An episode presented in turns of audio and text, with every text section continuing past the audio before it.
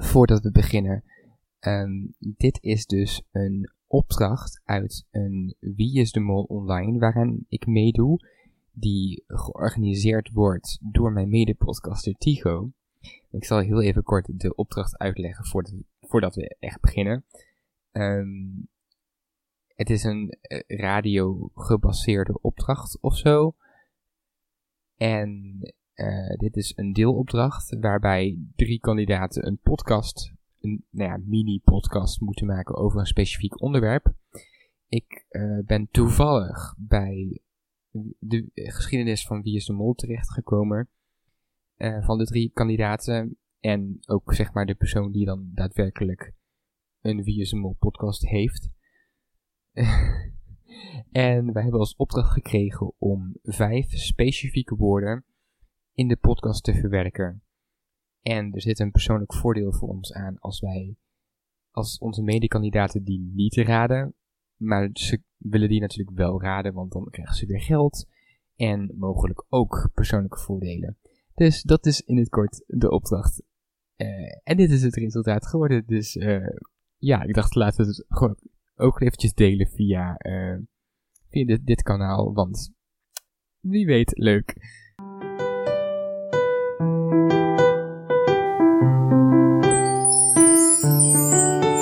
Duik een tunnel in met theorie. Gebruik statistiek of filosofie. Bestudeer gedrag, is dat een slinkse lach? Met een sterke hint kom jij voor de dag.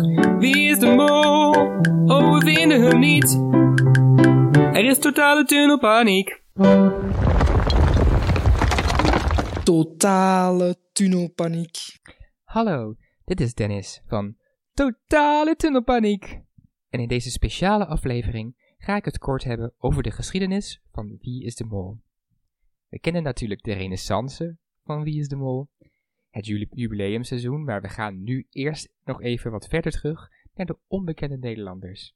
Dus een soort van het tijdperk van de dinosaurus in Wie is de Mol jaren. Geweldig hoe ze in deze tijd nog mensen lieten bungeejumpen die kopje ondergingen, uit vliegtuigen lieten springen, een hele nacht in een cel lieten overnachten en dan zonder de Orange een New Black gezelligheid, Sommige mensen zullen zeggen van, ja, weet je, in die tijd kregen ze allemaal nog anabolen voor ontbijt, spinaziestampot voor lunch en een Olympische workout voor het slapen gaan. Maar dat waren nog eens echte interessante mensen. Ja. Nou ja, oké, we gaan alvast door, uh, we spoelen de prehistorie eventjes door. En dan gaan we naar de tijd van de Grieken en de Romeinen. BN'ers zoals Julius Caesar, aka Roland Fernhout, mochten meedoen en werden bruut verraden door Brutus Yvonne die opeens de mol bleek te zijn. Dat was nog niet eens de meest heftige geschiedenisles uit dit boek. Want nee, ja, je had natuurlijk nog Yvonne van der Hurk, die Victoria bijna omver reed met een beschilderde ambulance. Bij het weerzien was Victoria klaar op haar mini-sofa. Met een andere kleur haar, gespreide neusvleugels en een opkomende nicotineverslaving rolde ze met haar ogen toen haar hartsvriendin binnenliep. Yvonne van den Hurk, dacht ze. Pseudoniem voor de duivel zal je bedoelen. Deze meiden konden elkaar echt niet uitstaan. Ah, oké, de middeleeuwen. Toen onze Natja met een olifant het Persische Rijk binnenviel. Dick Jol en Renate Verbaan onderzoekers, oftewel bi biologen werden en onderzochten hoeveel wespen ze nodig hadden voor een goede Killer Queen impressie. En natuurlijk, toen Georgina tijdens de executie lunch een mengsel van speculaaskruiden, cayennepeper, limoensap en chilivlokken over haar broodje strooide. Tijdens de Gouden Eeuw waren er snoepkrijtjes in overvloed. Je weet wel van die lekkere drop mint dingen van Van Gogh.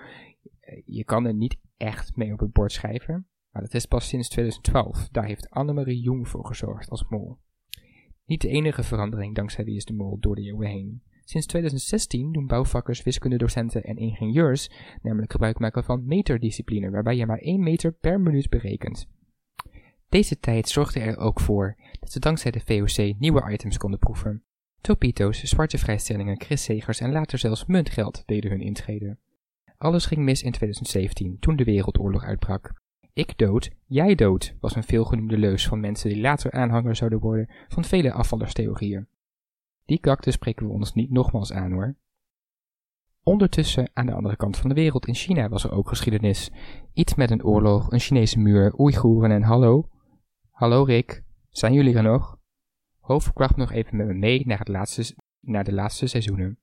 Ik weet niet meer precies wanneer de renaissance in, was in de geschiedenis, maar het was vast nu ergens ongeveer. En ik heb geen tijd om dit op te zoeken, want we hebben een enorme tijdschrift meegekregen van meneer Columbus Moldevanger en mede-podcastgenoot Tigo de. Maar toen kwam meterdiscipline dus nog weer een keer terug. En werd door Nicky teruggekeken de geschiedenis in. Ze zag in plaats van het verleden de toekomst met Jeroen als mol en won zo uiteindelijk de oorlog.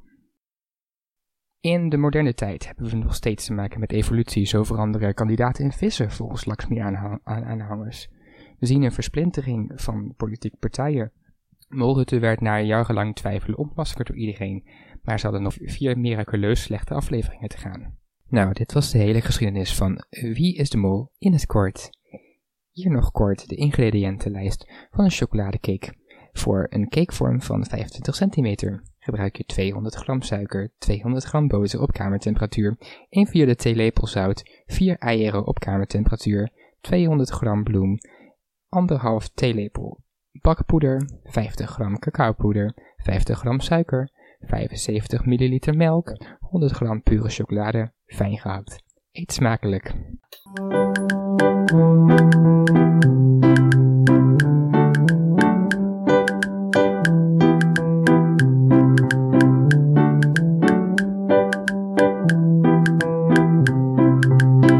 was totale tunnelpaniek.